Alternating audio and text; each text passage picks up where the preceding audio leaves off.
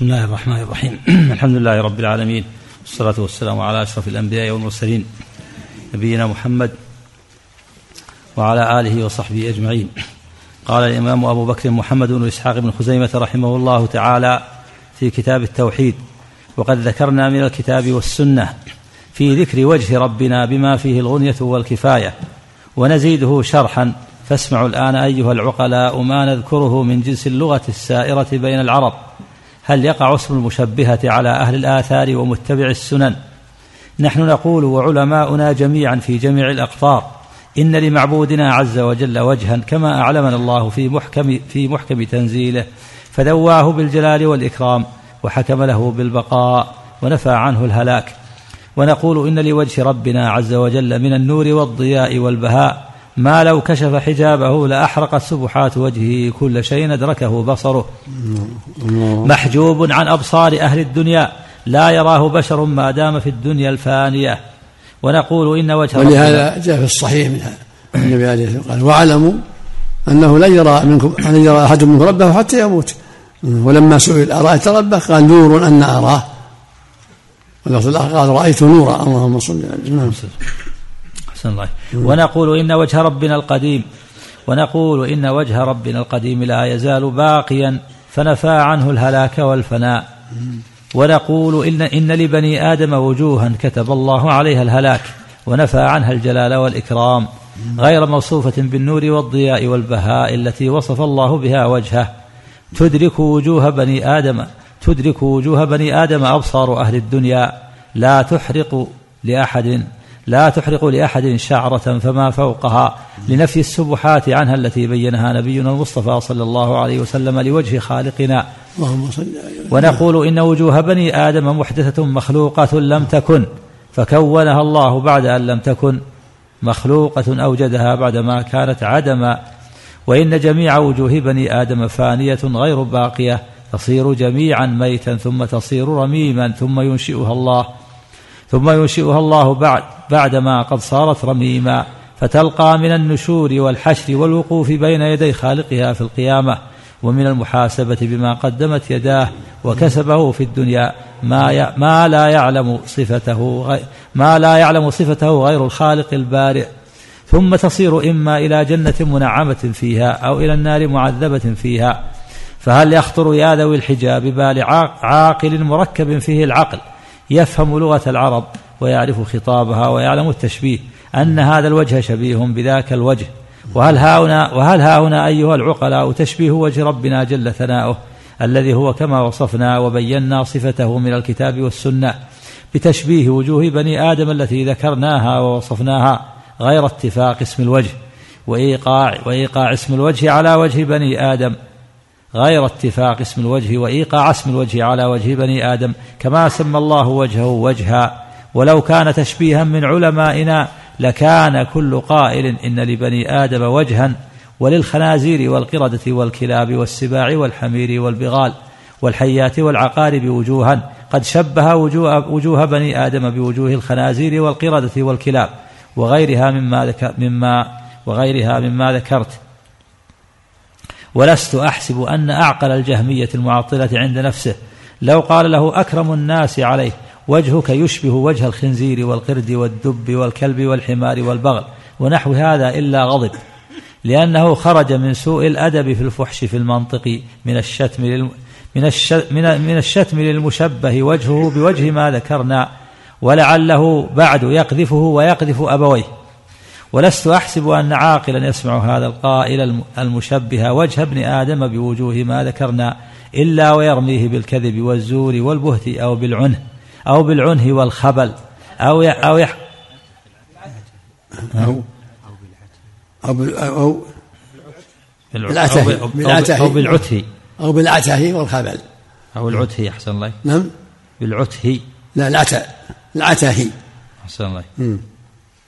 أو بالعته والخبل أو يحكم عليه بزوال العقل ورفع القلم لتشبيه وجه ابن آدم بوجوه ما ذكرنا. فتفك فتفكروا يا ذوي الألباب أوجوه ما ذكرنا أقرب شبها بوجوه بني آدم أو وجه خالقنا بوجوه بني آدم. فإذا لم تطلق العرب تشبيه وجوه بني آدم بوجوه ما ذكرنا من السباع. واسم الوجه قد يقع على جميع وجوهها كما يقع اسم الوجه على وجوه بني آدم. فكيف يلزم أن يقال لنا أنتم مشبهة؟ ووجوه بني آدم ووجوه ما ذكرنا من السباع والبهائم محدثة كلها مخلوقة. قد قضى الله فناءها وهلاكها وقد كانت عدما فكونها الله وخلقها وأحدثها. وجميع ما ذكرناه من السباع والبهائم لوجوهها أبصار وخدود وجباه وأنوف وألسنة وألسنة وأفواه وأسنان وشفاه. اللهم الله ولا يقول مركب فيه العقل لأحد من بني آدم وجهك شبيه بوجه الخنزير ولا عينك شبيهة بعين قرد ولا فمك فم دب ولا شفتاك كشفتي كلب ولا خدك خد ذئب إلا على المشاتمة كما يرمي الرامي الإنسان بما ليس فيه. فإذا كان ما ذكرنا على ما وصفنا ثبت عند العقلاء وأهل التمييز أن من رمى أهل الآثار القائلين بكتاب ربهم وسنة نبيهم صلى الله عليه وسلم بالتشبيه. فقد قال الباطل والكذب والزور والبهتان وخالف الكتاب والسنة وخرج من لسان العرب. وزعمت المعطلة من الجهمية أن معنى الوجه الذي ذكر الله في الآية التي تلونا من كتاب الله وفي الأخبار التي وفي الأخبار التي روينا عن النبي صلى الله عليه وسلم كما تقول العرب وجه الكلام ووجه الثوب ووجه الدار. فزعمت لجهلها بالعلم أن أن معنى قوله وجه الله كقول العرب وجه الكلام ووجه الدار ووجه الثوب وزعمت أن الوجوه من صفات المخلوقين وهذه فضيحة في الدعوى ووقوع في أقبح ووقوع في أقبح ما زعموا أنهم يهربون منه. فيقال لهم أفليس كلام بني آدم والثياب والدور مخلوقة؟ فمن زعم منكم أن معنى قوله أن معنى قوله أن معنى قوله وجه الله كقول العرب وجه الكلام ووجه الثوب ووجه الدار أليس قد شبه على أصلكم وجه الله بوجه الموتان لزعمكم يا جهلة أن من قال من أهل السنة لزعمكم إيش؟ نعم لزعمكم إيه؟ لزعمكم يا جهلة أن من قال من أهل السنة والآثار القائلين بكتاب ربهم وسنة نبيهم صلى الله عليه وسلم لله وجه وعينان ونفس وأن الله يبصر ويرى ويسمع أنه مشبه عندكم خالقه بالمخلوقين. حاش لله أن يكون أحد من أهل السنة والأثر شبه خالقه بأحد من المخلوقين. وهذا كله واضح رحمه الله. بالغ في هذا وكله واضح. وخطأ الجهمية والمعتزلة. أوضح من الشمس في رابعة النهار. قاتلهم الله. نعم. اللهم المستعان نعم. فإذا كان على ما زعمتم بجهلكم فأنتم شبهتم معدوبكم معبودكم بالموتان. نحن نثبت لخالقنا جل وعلا صفاته التي وصف الله عز وجل بها نفسه في محكم تنزيله أو على لسان نبيه المصطفى صلى الله عليه وسلم مما ثبت بنقل العدل عن العدل موصولا إليه. ونقول كلاما مفهوما موزونا يفهمه كل عاقل. نقول ليس إيقاع اسم الوجه للخالق البارئ بموجب عند ذوي عند ذوي عند ذوي الحجى والنهى أنه يشبه وجه الخالق بوجوه بني آدم. قد أعلمنا الله جل وعلا في الآية التي تلوناها قبل أن لله وجها ذواه بالجلال والإكرام ونفى الهلاك عنه وخبرنا في محكم تنزيله. ويبقى وجه ربه ذو الجلال والإكرام. قول سبحانه كل من عليها فان ويبقى وجه ربه ذو الجلال والإكرام. سبحانه وتعالى. نعم. الله نعم. وخبرنا في محكم تنزيله أنه يسمع ويرى. فقال جل وعلا لكلمه موسى ولأخيه هارون صلوات الله عليهما وسلامه. إنني معكما أسمع وأرى وما لا يسمع ولا يبصر كالأصنام التي هي من الموتان. ألم تسمع مخاطبة خليل الله صلوات الله وسلامه عليه أباه؟ يا أبت لم تعبد ما لا يسمع ولا يبصر ولا يغني عنك شيئا؟ أفلا يعقل يا ذوي الحجى؟ من فهم عن الله تبارك وتعالى هذا؟ من فهم عن الله تبارك وتعالى هذا أن خليل الله صلوات الله عليه وسلامه لا يوبخ أباه على عبادة ما لا يسمع ولا يبصر ثم يدعو إلى عبادة من لا يسمع من لا يسمع ولا يبصر.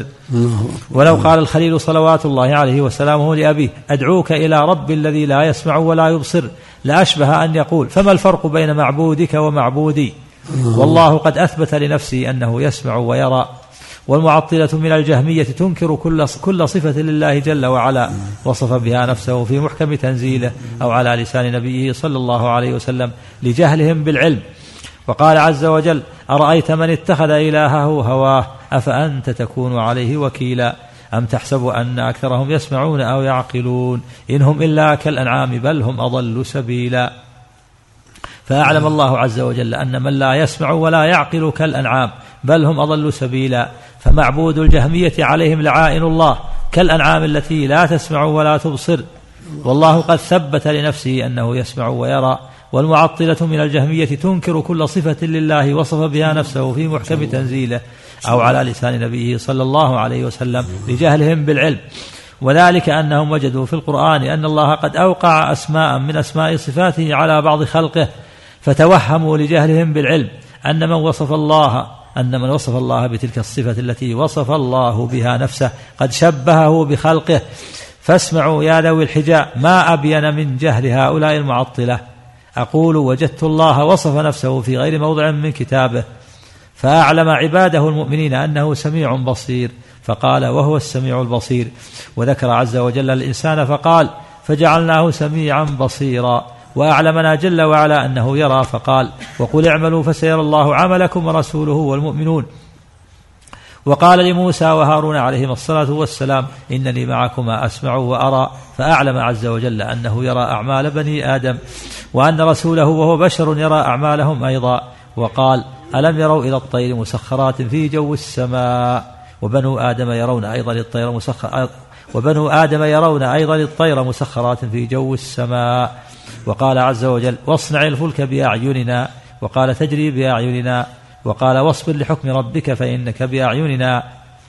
فثبت ربنا عز وجل لنفسه عينا وثبت لبني آدم أعينا. فقال ترى أعينهم تفيض من الدمع. فقد خبرنا ربنا أن له عينا وأعلمنا أن لبني آدم أعينا. وقال لإبليس عليه لعنة الله ما منعك أن تسجد لما خلقت بيدي؟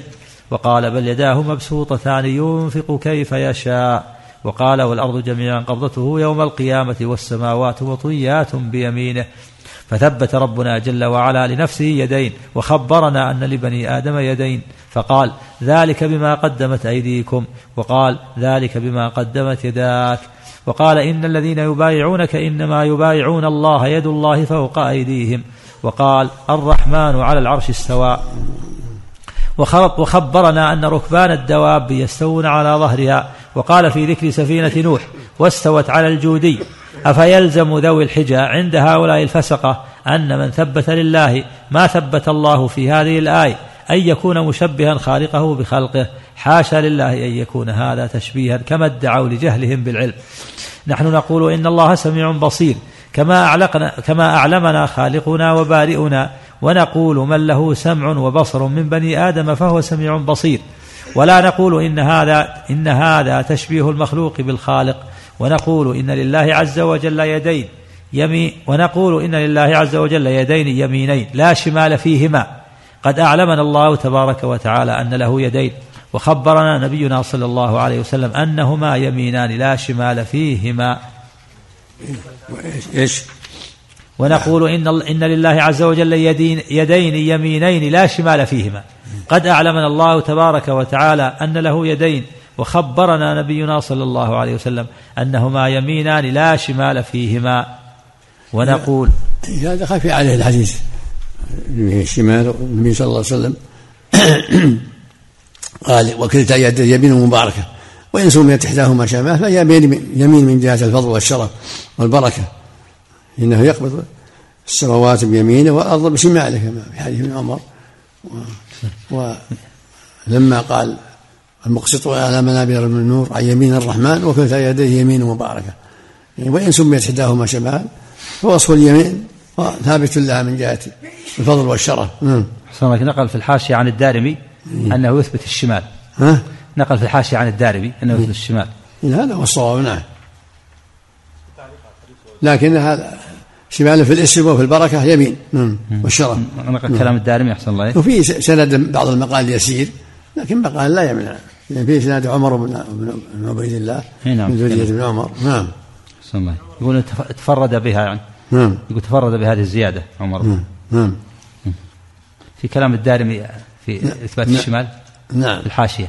نعم. نقرأه؟ اي وقال الدارمي في معرض رده على المريس العنيد إنما عنا رسول الله صلى الله عليه وسلم ما قد أطلق على الشيء في مقابلة اليمين والشمال ولكن تأويله وكلتا يديه يمين أي منزه عن النقص والضعف كما في أيدينا الشمال من النقص وعدم البطش فقال كلتا يدي الرحمن يمين إجلالا لله وتعظيما أن يوصف بالشمال وقد وصفت يداه بالشمال واليسار وكذلك لو لم يجز إطلاق الشمال واليسار لما أطلق رسول الله صلى الله عليه وسلم.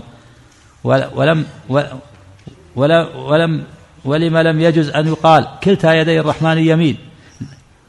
ولو لعله ولو ولو لم يجز أن يقال كلتا يدي الرحمن يمين. لم يقله رسول الله صلى الله عليه وسلم. وهذا قد جوزه الناس في الخلق. فكيف لا يجوز ابن الثلج في يدي الله أنهما جميعا يمينان؟ وقد سبق قوله أن أنه لا يكون لأحد يمينان فلا يوصف أحد بيمينين ولكن يمين وشمال وقد سمي من الناس ذا الشمالين إلى آخره. نعم نعم, نعم.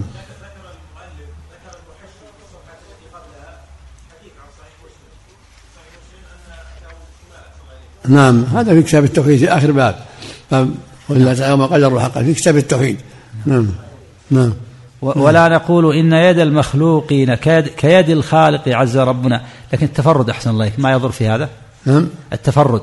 تفرد الشمال. إثبات الشمال. ما يضره المعنى. لأن الرسول قال في يديه يمين مباركة. خشى أن يظن بها نقص عليه الصلاة والسلام. كون انفرد بأحد الرواة حسن الله في في لما الشمال. قال يقبض الله شماله وسماه الأحاديث الأخرى كلتا يديه يمين مباركة. والمقصود على منابر بالنور عن يمين الرحمن وكلتا يديه يمين. ونرجو بين قوضته يوم القيامة ومطويات يمينه لما سمى إحداهما يمين علم أن الأخرى شمال. يمين مباركة كلها الشرف واحد. والتفرد ما يضر في هذا نعم. ولا نقول إن يد المخلوق لكيد الخالق عز ربنا عز ربنا عن أن يكون عن أن تكون يده كيد خلقه. وقد سمى الله لنا نفسه عزيزا وسمى بعض الملوك عزيزا فقال وقال نسوة في المدينة امرأة العزيز تراود فتاها عن نفسه. وسمى إخوة يوسف أخاهم يوسف عزيزا فقالوا يا أيها العزيز إن له أبا شيخا كبيرا. وقال قالوا يا أيها العزيز مسنا وأهلنا الضر فليس عزة خالقنا العزة التي هي صفة من صفات ذاته كعزة المخلوقين الذين أعزهم الله بها. ولو كان كل اسم سمى الله لنا به نفسه وأوقع ذلك الاسم على بعض خلقه كان ذلك تشبيه الخالق بالمخلوق. على ما توهم هؤلاء الجهلة من الجهمية لكان كل من قرأ القرآن وصدقه بقلبه أنه قرآن ونحي ووحي وتنزيل قد شبه خالقه بخلقه.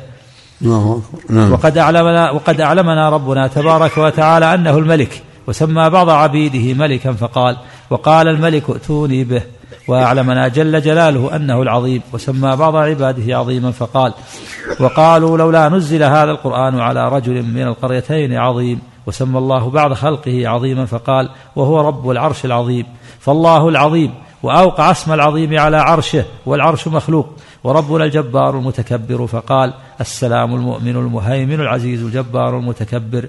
وسمى بعض الكفار متكبرا جبارا فقال كذلك يطبع الله على كل قلب متكبر جبار. وبارئنا عز وجل الحفيظ العليم. وخبرنا أن يوسف عليه الصلاة والسلام قال للملك اجعلني على خزائن الأرض إني حفيظ عليم. أحسن الله إليكم. في الكلام السابق هل هو مستقيم؟ في قوله وسمى بعض عبيده عظيما فقال وقالوا لولا نزل هذا القرآن على رجل على رجل من القريتين عظيم ثم قال بعده وسمى الله بعض خلقه عظيما فقال وهو رب العرش العظيم. على وصف العرش يعني. لك لك العرش يوصف بالعظيم. وصف العرش. نعم. يعني على اعتبار انه العرش نفسه. نعم وصف العرش. نعم. نعم. وقال وبشروه بغلام عليم وقال بغلام حليم. فالحليم والعليم اسمان لمعبودنا جل وعلا. قد سمى الله بهما بعض بني آدم ولو لزم يا ذوي الحجى أهل السنة والآثار إذا أثبتوا لمعبودهم يدين كما ثبتهم الله لنفسه وثبتوا له نفسا عز ربنا وجل. وأنه سميع بصير يسمع ويرى ما ادعى هؤلاء الجهمية ما ادعى هؤلاء الجهلة عليهم. ما ادعى هؤلاء الجهلة ما ادعى هؤلاء الجهلة عليهم أنهم مشبهة للزم كل من سمى الله ملكا أو عظيما ورؤوفا ورحيما وجبارا ومتكبرا أنه قد شبه خالقه عز وجل بخلقه. حاشا لله أن يكون من وصف الله جل وعلا بما وصف الله به نفسه في كتابه أو على لسان نبيه المصطفى صلى الله عليه وسلم مشبها خالقه بخلقه. نعم. فأما احتجاج هذا, هذا هو الحق الذي عليه أهل السنة والجماعة. وأما أهل الباطل فقد لبس عليهم. وانتكست عقولهم. حتى ظنوا الباطل حقا والحق باطلا نسأل الله العافية. نعم. فأما احتجاج الجهمية على أهل السنة والآثار في هذا النحو بقوله ليس كمثله شيء فمن القائل إن لخالقنا مثل مثل سم اللهم صل وسلم. الله رحمه الله رحمه الله وغفر له. نعم. أحسن الله إليكم امرأة مميزة لعادتها ثمانية أيام. ولكن بعد أن ولدت وطهرت اضطربت عادتها. صارت تحيض ثمانية أيام ثم ينقطع الدم تماما لمدة يومين ثم يعاودها صفرة وقدرة لمدة يومين ثم ترى الطهارة بعد ذلك. فكم تكون عادتها؟ عادة الأولى اليومين اللي بعد الطهر لم فسد. توضأ وصلي اليومان اللي بعد الطهر الدم فسد. توضأ وصلي نعم. تمكث العادة التي معروفة وما زاد يعتبر دم فساد استحاضة. ولو كان أما هذه فصل رأت الطهارة يومين ثم رأت الدم المتغير. نعم. صلى الله عليك. الزيادة المتصلة بالحيض يعني مثل الكدرة والغير. الأرجح أنها تكون استحاضة لأن الرسول قال لجماعة فاطمة بنت أبي حبيش ولحمنة ولغيرهما أمرهما بأن تمكث قدر ما تحبسها حيضتها ثم تغتسل. من يحضر الله إليكم مجالس البدع نعم. من يحضر مجالس البدع كبدعة المولد ونحوها فهل يقال إنه مبتدع؟ نعم. إذا جلس غير منكر معهم خوي لهم. نعم.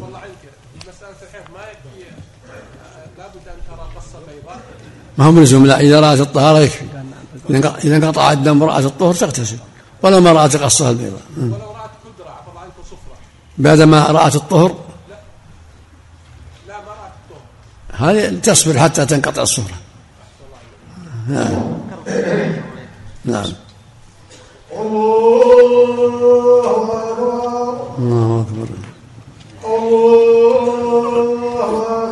الله لا إله إلا الله. اللهم صل على محمد اللهم صل على محمد. بارك على محمد.